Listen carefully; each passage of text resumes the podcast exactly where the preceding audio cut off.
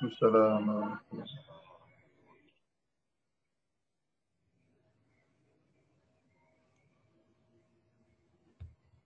بسم الله الرحمن الرحيم.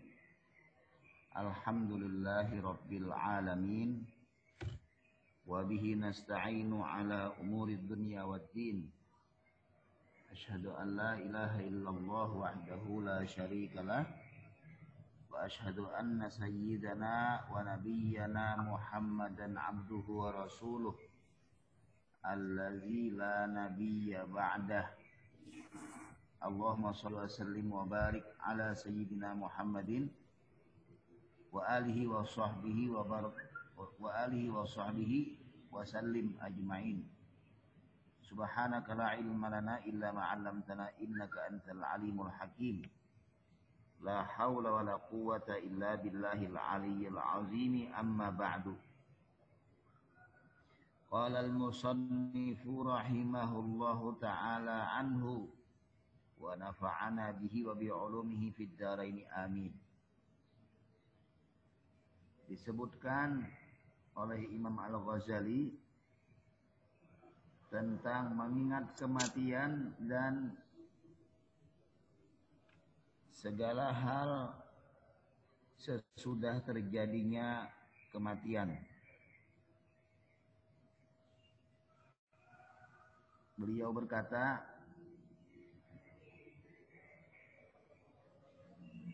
bahwasanya bagi manusia kematian itu adalah sesuatu yang menakutkan dan mengerikan.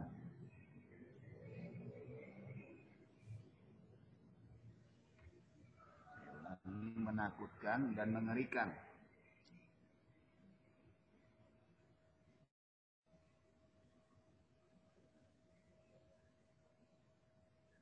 Bahkan kata Imam Al-Ghazali bagi manusia kematian termasuk bagian dari bencana yang besar.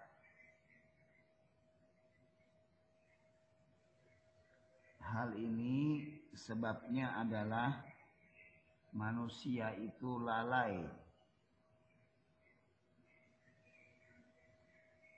dengan kematian. Baru mengingatnya setelah terjadi pada orang-orang yang dekat dengannya. Selama hidupnya ia lalai dengan kematian. Tidak ingat dengan kematian. Tidak sensitif. Padahal itu adalah bagian dari kontrol terhadap hati. Kebanyakan manusia, kata beliau, lalai terhadap kematian ini karena mereka tidak tafakur dengan kematian.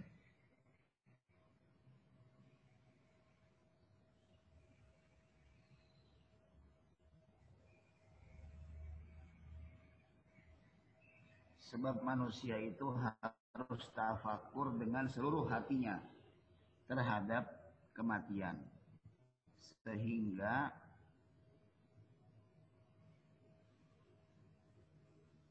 tafakur terhadap al-maut ini berpengaruh terhadap hati.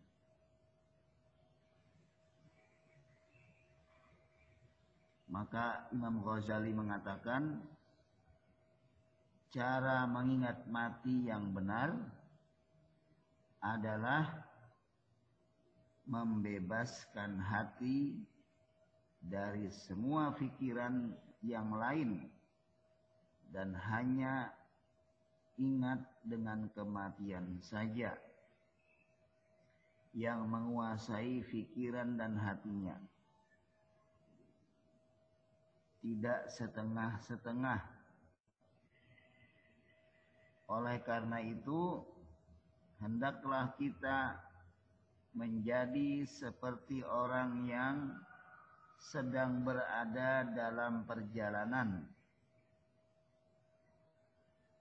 Baik itu perjalanan di tengah lautan maupun di padang Sahara yang keras dan penuh dengan bahaya yang mengancam.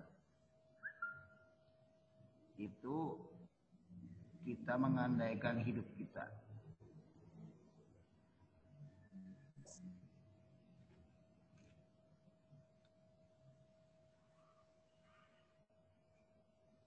Maka ketika pikiran tentang pikiran tentang kematian itu menguasai hati, menguasai hasrat, maka kesenangan pada dunia akan turun dan hati pun akan luluh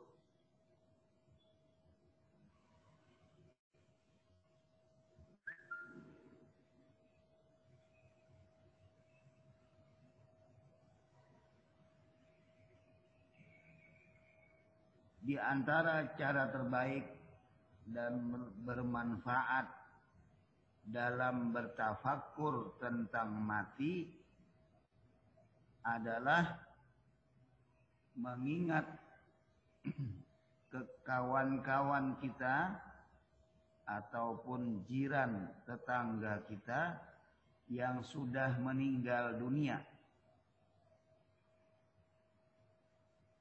Ingat bahwa mereka sudah berada di dalam kubur di bawah tanah. Dan membayangkan keadaan mereka, wajah mereka yang kini sudah berada di dalam kubur atau di alam barzakh.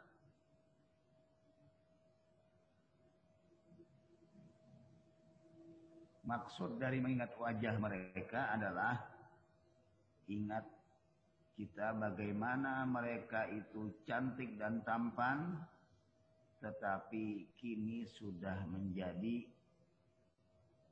satu dengan tanah. Kemungkinan sudah dimakan oleh hewan atau oleh serangga di dalam tanah. Juga ingat bahwa istri mereka telah menjadi janda. Anak mereka telah menjadi yatim. Dan bisa jadi mereka sedang berada dalam kemiskinan.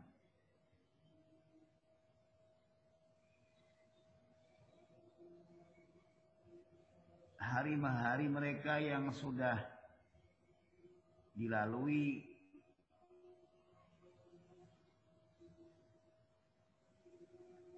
Dengan kemewahan sudah berakhir.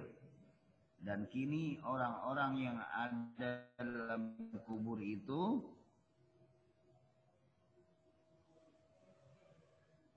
tentu keadaannya tidak senang. Seperti hidupnya di dunia. Dalam arti tidak sama dan mereka tidak lagi kaya dalam kuburnya. Maka kata Imam Al-Ghazali, kenanglah orang-orang itu. Setiap orang yang kamu kenal hendaknya kamu ingat, yaitu mereka yang sudah mati. Kamu bertafakur bagaimana kematian telah melanda mereka secara tiba-tiba tanpa adanya peringatan sedikit pun dan bagaimana orang-orang yang tidak siap menghadapi kematian dan juga tidak siap menghadapi akhirat. Begitulah cara mengingat kematian yang baik dan bermanfaat bagi hati.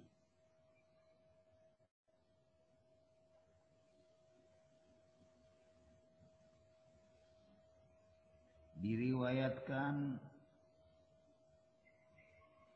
bahwasanya Abu Darda radhiyallahu anhu seorang sahabat Nabi ia berkata ketika diceritakan kepadamu tentang orang yang mati, bayangkanlah engkau adalah salah seorang dari mereka. Sahabat yang lainnya yaitu Ibnu Mas'ud radhiyallahu anhu mengatakan orang yang beruntung adalah dia yang mengambil pelajaran dari keadaan kematian orang lain.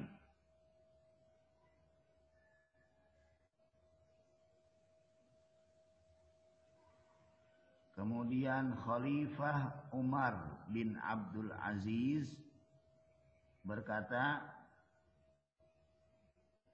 Apakah engkau tidak melihat bahwa dirimu mempersiapkan perbekalan untuk orang yang telah pergi menuju Allah setiap pagi atau petang? dan engkau kubur ia di bawah tanah. Dan ia telah meninggalkan sahabat-sahabat dan keluarganya. Ia pun telah meninggalkan harta dan kekayaan yang menjadi miliknya. Meninggalkan semua itu selama-lamanya.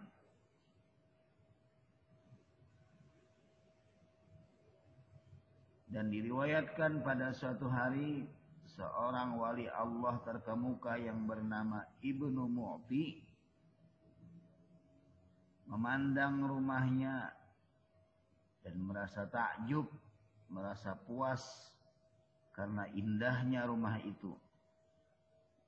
Namun setelah itu ia pun menangis dan berkata, Demi Allah, Seandainya tidak ada kematian, maka akan puaslah hatiku memandangmu. Seandainya tempat yang akan kutinggali setelah mati tidak sempit, maka mataku akan sejuk melihat dunia ini. Setelah itu ia mulai menangis seperti anak kecil. Begitulah orang-orang yang terdahulu di kalangan sahabat-sahabat Nabi radhiyallahu anhum juga wali-wali Allah dari tabi'in muridnya para sahabat dan juga tabi'ut tabi'in muridnya para tabi'in ulama-ulama besar hidupnya walaupun bergelimang harta tetapi tetap tafakur terhadap kematian untuk meluluhkan hatinya. Mudah-mudahan ini menjadi pelajaran penting bagi kita.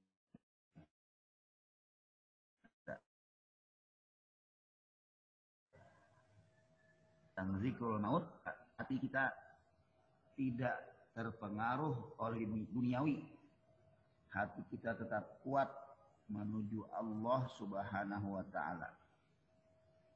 Karena sesudah kehidupan dunia ini ada kehidupan akhirat yang disebutkan oleh Allah Subhanahu wa taala dalam surat Ad-Duha yaitu firman Allah walal akhiratu khairun laka minat minal ula. Dan sesungguhnya benar-benar akhirat itu adalah lebih baik bagimu wahai Nabi Muhammad daripada yang pertama ini yaitu dunia akhirat itu lebih utama, lebih baik, lebih lama, maka haruslah manusia memandang dunia ini sebagai sebuah perhentian dari perjalanan panjang